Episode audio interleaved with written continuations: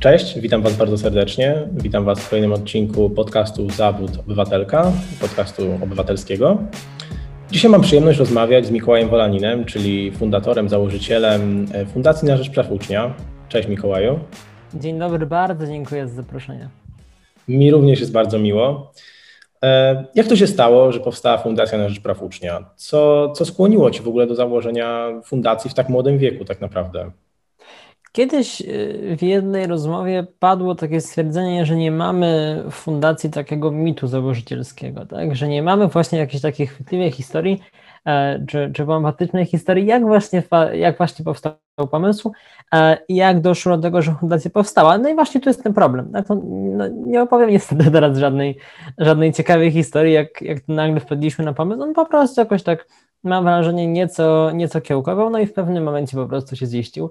Bo stwierdziliśmy, że, e, że warto działać e, dalej i być może też e, na, na kilku aspektach, tak, co jest możliwe dzięki, dzięki osobowości prawnej.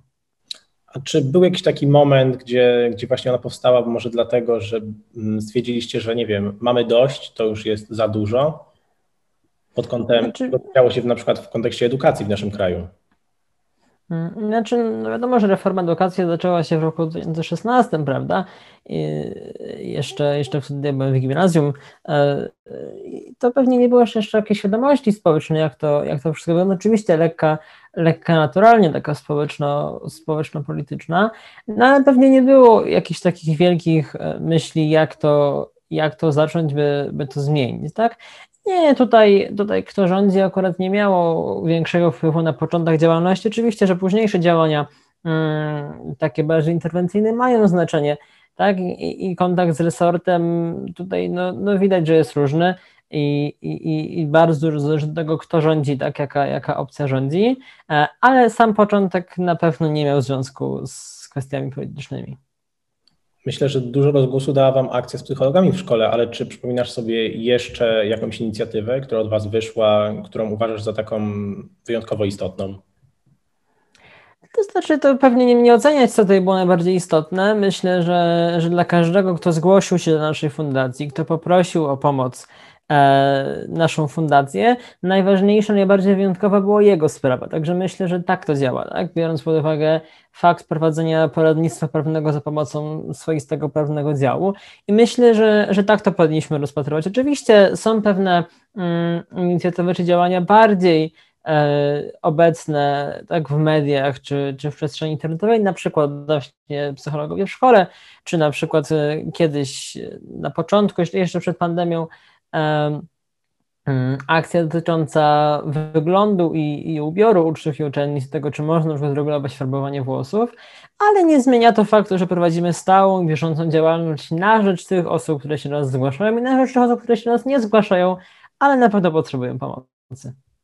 Właśnie, a propos stałej i obecnej działalności, Chciałem się Ciebie zapytać e, o to, co sądzisz e, o wydarzeniach z ostatnich, ostatnich dni, bodajże z wczoraj lub przedwczoraj, e, jeśli chodzi o, o to, kiedy to nagrywamy.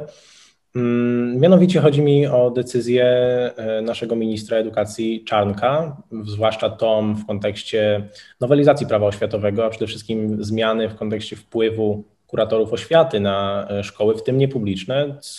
No jest dużo głosów, że tak naprawdę odbije się to bardzo na niezależności, zwłaszcza tych szkół, które z zasady niezależne miały pozostać? To znaczy, myślę, że, że doskonale zdajemy sobie wszyscy sprawę z tego, że centralizacja bardzo rzadko, jeśli nigdy, wychodzi na, na dobre. Tak? Myślę, że wszyscy, tak, jeśli nie, jeśli nie większość, zdajemy sobie sprawę z tego, tak, większość, jeśli nie wszyscy, zdajemy sobie sprawę z tego, że odebranie niezależności czy, czy autonomii tym jednostkom, nazwijmy to u podstaw, no sprawi, że cały system będzie, będzie jeszcze, mm, jeszcze gorszy, jeszcze, jeszcze trudniejszy. Szczególnie biorąc pod uwagę to, że, że przecież kuratorzy oświaty są zadania, oświaty są zadania partyjnego, tak? I to są, to są jednak zaufane osoby najczęściej, tak? Mające jakieś zasługi dla, dla opcji rządzącej no i charakteryzujący się takimi postawami i poglądami jak, jak politycy opcji rządzącej. Oczywiście nie mówię, że to jest e, bardzo, bardzo złe. Ja tutaj nie oceniam tego jak powołują kuratorów światowych, pewnie można by to zrobić lepiej, choć pewnie można by zrobić ich bardziej, bardziej niezależnymi, no ale jest to jeden z tych przejawów centralizacji polskiego systemu więc jeśli jeszcze bardziej chcemy to robić, jeśli jeszcze bardziej chcemy wpływać na polskie szkolnictwo, no w szczególności publiczne, ale też i niepubliczne, tak, no bo z nim też będzie, będzie duży problem i to też no, trochę tutaj ograniczy na przykład wolność działalności gospodarczej mm, wobec, wobec właścicieli czy, czy, czy zarządzających tymi szkołami, mm, no to problem będzie, będzie na pewno duży. No i trzeba będzie robić wszystko, by jednak do tej centralizacyjnej reformy nie doszło, biorąc pod uwagę to, że widzimy, jakie są inicjatywy, jakie są pomysły e, obecnych rządzących. Tak, no oczywiście kolejne ekipy mogą być, mogą być nieco lepsze, nieco gorsze, ale nadal trzeba sprawić, by nie miały takiego pełnego, mm, nie miały takiej pełni władzy właśnie w szkolnictwie, by jednak e, te jednostki tak znajdujące się u podstaw, tak, stosujące swoistą pracę u podstaw, e, no miały jakąś, jakąś władzę, miały możliwość naprawdę holistycznego edukowania swoich podopiecznych. Myślisz, że te radykalne, by nie mówić, zmiany w ogóle mają szansę wejść w życie? No cóż, no, znamy, nazwijmy to praktyki legislacyjne, znamy tryb pracy polskiego parlamentu i też znamy uwarunkowania konstytuc- konstytucyjne, tak? Znamy też uwarunkowania e, legislacyjne, tak? No i doskonale wiemy, że nawet w przypadku odrzucenia takiego projektu czy takiej ustawy przez Senat, no nadal Sejm bezwzględną większością może, może to swoiste stanackie weto, tak? chociaż nie nazwijmy tego wetem, ale no swoickie, swoiste stanackie odrzucenie mm, odrzucić, tak? No więc tutaj nie będzie wiele do, do gadania. No musimy, musimy liczyć na, na rozsądek, tak? W szczególności myślę, że, że partii porozumienie i tych dziewięciu szabel, którymi dysponuje, no i też rozsądek na przykład e, Konfederacji, tak? która wraz na przykład z kołami Polskie Sprawy i Kokiz 15, no, którzy, którzy lubią e, różnie decydować i różnie, różnie patrzeć na różne sprawy. Także myślę, że to będą takie trzy najważniejsze ośrodki e, dotyczące tego, jakie będą dalsze losy tego projektu, chociaż no nie jest wykluczone, że, że projekt zostanie uchwalony na nieszczęście e, i na zgubę polskiego systemu oświaty. Mówisz o tym, że powinniśmy zrobić wszystko, żeby, żeby do tej centralizacji nie doszło. Myślisz, że jest coś, co, mm, co uczniowie, czyli osoby no stricte zainteresowane tym problemem mogą zrobić jako jednostki albo jako, grup, jako grupa? Y, to, że uczniowie, uczennice, a generalnie osoby uczące się potrafią sprzeciwić się rządzącym, widzieliśmy na przykład na początku października zeszłego roku, czy na końcu września. To był taki, taki okres, taki przełom września i października, gdy gdy, gdy wyszła informacja o, o powołaniu Przemysława Czarnka na ministra edukacji e, i nauki, e, tak, no wtedy, wtedy doszło do dużej fali protestów w szkołach.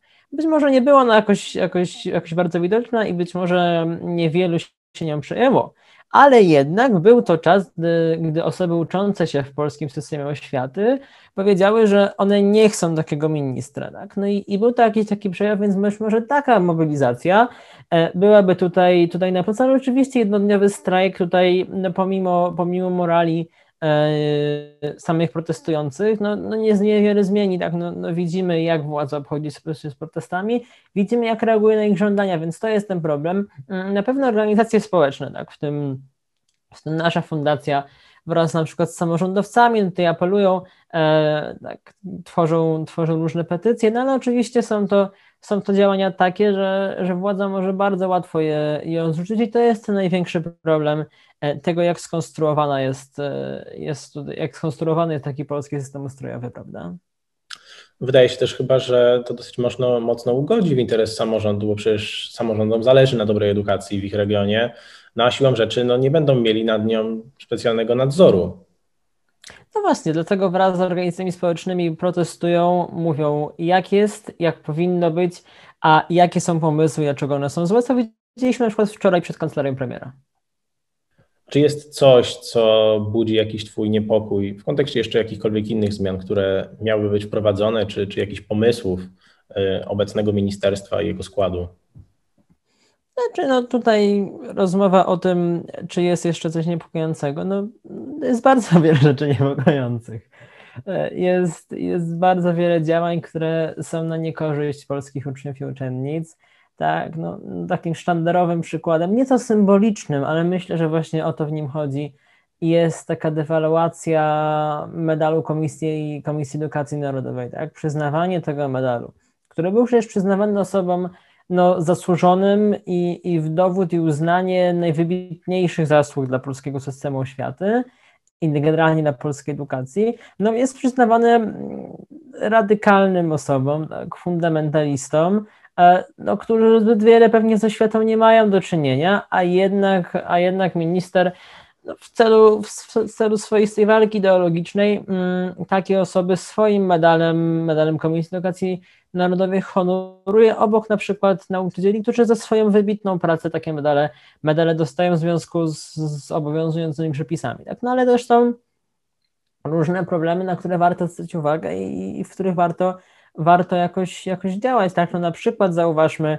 właśnie kwestię szkolnych psychologów. No, no resort ogłosił E, swoisty program, tak, tam były takie cztery programy wyjścia mm, i, uregulowania sytuacji popandemicznej, tak, kwestia, kwestia wzroku, kwestia WF-u na przykład, e, kwestia dorabiania materiału i właśnie kwestia zdrowia psychicznego. No tylko jak my mamy e, działać na rzecz zdrowia psychicznego około 4,5 miliona osób, bo tyle mniej więcej osób uczy się w szkołach, tak, powołując um, jakiś pilotażowy program, który, który dotyczy będzie zaledwie 1000 czy 1200 szkół na około 20 tysięcy. No są to działania raczej takie prowizoryczne, szczególnie, że, że ten program ma dotyczyć tylko i wyłącznie takich wstępnych badań naukowych, tak, a nie wprowadzenie realnej pomocy, na przykład e, psychologa czy psycholożki w każdej, w każdej szkole.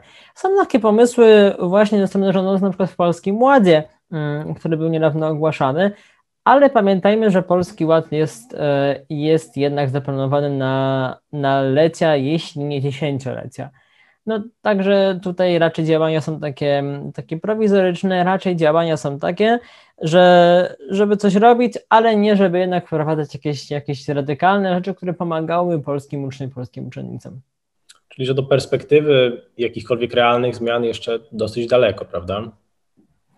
Tak, i to jest ten największy, największy problem, że gdy chce się wprowadzić coś ideologicznego, gdy chce się, e, gdy chce się wprowadzić jakąś zmianę, która, która na przykład będzie w interesie partyjnym, to da się to zrobić bardzo szybko, da się to zrobić na kilka godzin. A gdy, gdy jest coś ponadpartyjnego, gdy jest coś apolitycznego, co zadziała na rzecz dobra, tak, ku dobru wszystkich osób będących w szkole, no to raczej się zwleka i zwraca uwagę na przykład na, na kwestie finansowe. Może trochę na przekór, ale czy jest coś, co Ci się w polskim szkolnictwie obecnie podoba? Tutaj trzeba by się pewnie zastanowić i, i, rozważyć pewne aspekty tego, jak działa polski system, polski system oświaty. Na pewno ma on swoje, swoje zalety, tak? No, szczególnie w zakresie na przykład um, dożywiania. Tak? No, oczywiście to nie działa, nie działa perfekcyjnie, ale jednak osoby osoby zmagające się z trudnościami materialnymi jednak dożywia poprzez, poprzez program, program obiadu. Tak? No, tak samo na przykład daje, daje owoce i warzywa oraz czasem mleko e, na rzecz e, osób uczących się szczególnie w tych pierwszych klasach szkoły podstawowej. I oczywiście tam też są pewne trudności. Hmm, oczywiście no niedawno e, resort tutaj zadecydował o, o, o, o obniżeniu na przykład kwot e, dla dostawców, ale jednak warto pamiętać, że są też dobre programy, które, mm, które, które, które sprzyjają polskim uczniom uczennicom. Też czasem mam wrażenie, że coraz bardziej zwraca się uwaga na, na prawa czy to dzieci, czy to uczniów i uczennic i też uważam to za naprawdę, naprawdę dobre rozsunięcie, ale oczywiście do ideału jeszcze nam, jeszcze nam daleko. Wracając jeszcze na chwilę do tych zmian, o których mówiliśmy e, wcześniej, powiedz mi, co myślisz e, i czy myślisz, że to jest w ogóle realne, żeby to wprowadzić, ponieważ e, jest koncept zmian w prawie karnym e, i wprowadzenia czegoś, co nazywa się, jeśli się nie mylę, przestępstwem edukacyjnym, czyli czymś, co miałoby być chyba kolejnym argumentem dla, dla właśnie tych kuratorów oświaty. A co by nie mówić, kuratorzy oświaty już są dosyć sporym problemem w wielu regionach, gdzie są zbyt radykalni jak na powiedzmy obecne warunki.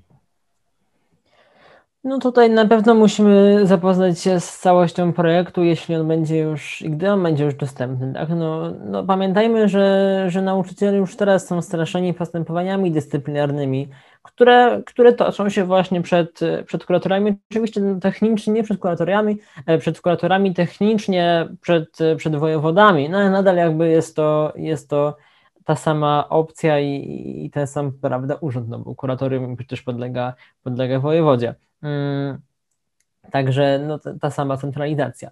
Także no, i tak już straszymy nauczycieli i nauczycielki e, karami dyscyplinarnymi, no więc jeśli będziemy to robić jeszcze bardziej i wprowadzać, wprowadzać przestępstwa edukacyjne, wprowadzać jakieś regulacje, na przykład właśnie do kodeksu karnego, no to będziemy jeszcze bardziej zastraszać e, osoby nauczające, no i to sprawi, że najpewniej stracimy e, dobrych nauczycieli, dobre nauczycielki, które po prostu były tutaj z powołania, które chciały e, edukować młodsze pokolenia, ale nie mogą z racji, z racji na przykład właśnie zamordystycznych przepisów, no i to będzie wyłącznie ze stratą na rzecz tych młodych właśnie pokoleń. Powiedz mi, no bo jako fundacja dążycie do pewnych określonych celów, do mm, poprawy jakości polskiej edukacji przede wszystkim, czy przede wszystkim szanowania praw ucznia, zresztą o tym mówi nazwa waszej fundacji. E, czy myślisz, że w ogóle takie realne zmiany, takie, które chcielibyście osiągnąć, są możliwe? Bo co by nie mówić, za każdą zmianą ekipy rządzącej mm, tak naprawdę zmienia się wszystko, mamy tylko jeden wielki kocioł, a nie przynosi to nic dobrego, przynajmniej jak dotąd nie przyniosło nic dobrego. Tak, edukacja jest troszeczkę spychana, edukacja jest troszeczkę takim, e, taką kulą u nogi rządzących, tak? Oni nie za bardzo się nią przyjmują, nie za bardzo się nią troszczą, a szkoda, bo jednak kolejne, kolejne pokolenia, które mogłyby być wychowywane, e, czy to jeszcze bardziej obywatelsko, czy to jeszcze bardziej informacyjnie, czy, czy jakkolwiek, tak jak jaką, jakąkolwiek tutaj przyjmiemy koncepcję, e, no mogłyby sprawić, że, że też późniejsi wyborcy byliby bardziej poinformowani, taki wyborczynie, e, byliby i byłyby bardziej wyedukowane i wyedukowani, no i to sprawiłoby też, że, że wybieraliby mądrzej, tak. Nie wiem, czy, czy każdej opcji rządzącej zależy na tym, by, by wyborcy i wyborczynie byli i były e, coraz bardziej wyedukowani i coraz bardziej światli um, i światłe. No, myślę, że, że pewnie nie. Mm, no ale tak patrząc na to obiektywnie, patrząc na to z punktu widzenia interesów społeczeństwa, no jednak byłoby to zjawisko pożądane, tak? No także pewnie jest tutaj ten problem.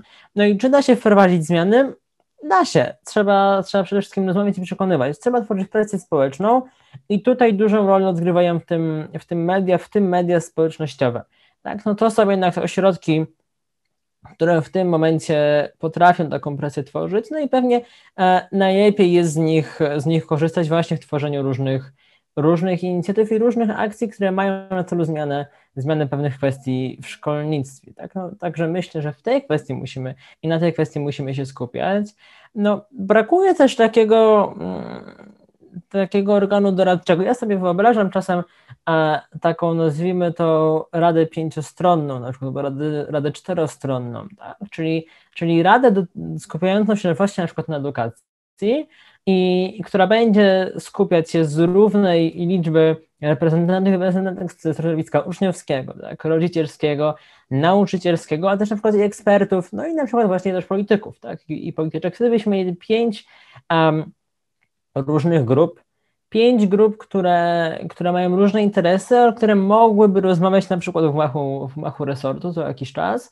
Na temat tego, jak powinna wyglądać polska, mm, polska edukacja. No, mieliśmy jakieś takie zaczątki na przykład w ogromnym stole edukacyjnym e, w roku 2018, zresztą nawet sam uczestniczyłem w tych, w tych rozmowach, e, no ale jednak były to, były to zjawiska i, i takie działania raczej pozorne, raczej propagandowe, które miały na celu pokazać e, społeczeństwu, że rząd zajmuje się edukacją, ale no była, to, była to oczywista nieprawda. Zresztą widzieliśmy to po, po terminie zwoływania, po terminach zwoływania Okrągłego Stołu, tak no pierwsze miesiące, kwiecień, maj, tak strajk nauczycieli troszkę po, to było naprawdę cztery czy pięć spotkań w Okrągłym Stole Edukacyjnym, tak, w podziale na podstoliki, tak, z ministrami, którzy, którzy właśnie koordynują różne podstoliki, a potem nastał czerwiec, nastały wakacje, jak powiedziano, że we wrześniu będzie kolejne spotkanie, to kolejne spotkanie już nigdy nie było. Także od czerwca, od czerwca 2016 roku, 18 roku żadnego spotkania tego roku które nie było, no i to jasno pokazuje,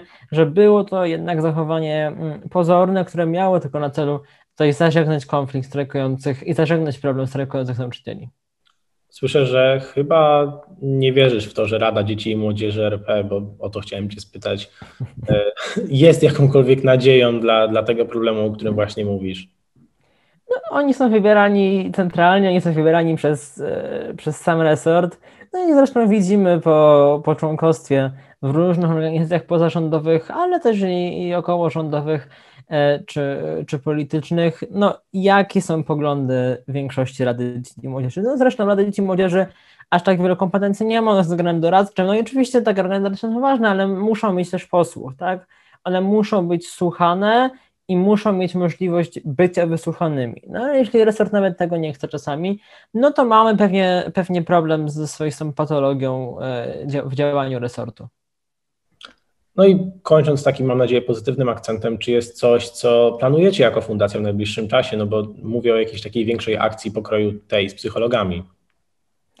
E, jeżeli mamy mówić o większych akcjach, to no, będą, możemy powiedzieć, że będą. Pewnie szczegółów nie mogę zdradzić, e, pewnie współpracowniczki z rodzicy mieliby to, mi, mieliby to mi za złe, ale pewne pomysły są. Naturalnie mm, stałą działalnością będzie działalność edukacyjna, tak, Olimpiada Wiedzy o Prawach Ucznia, której trzecia edycja już od września, a, a która na przykład w zeszłym roku była, była wspierana przez marszałek Sejmu, przez e, Rzecznika Praw Obywatelskich, przez Naczelną Radę Adwokacką, także było to takie wydarzenie dość, dość ponadpodziałowe, które pozwoliło na oczywiście konsolidację pewnych, pewnych środowisk. Mamy też pewne pomysły dotyczące działalności na rzecz Polonii i, i osób, które uczą się właśnie w systemie, w systemie polonijnym ale to pewnie, pewnie w najbliższym czasie.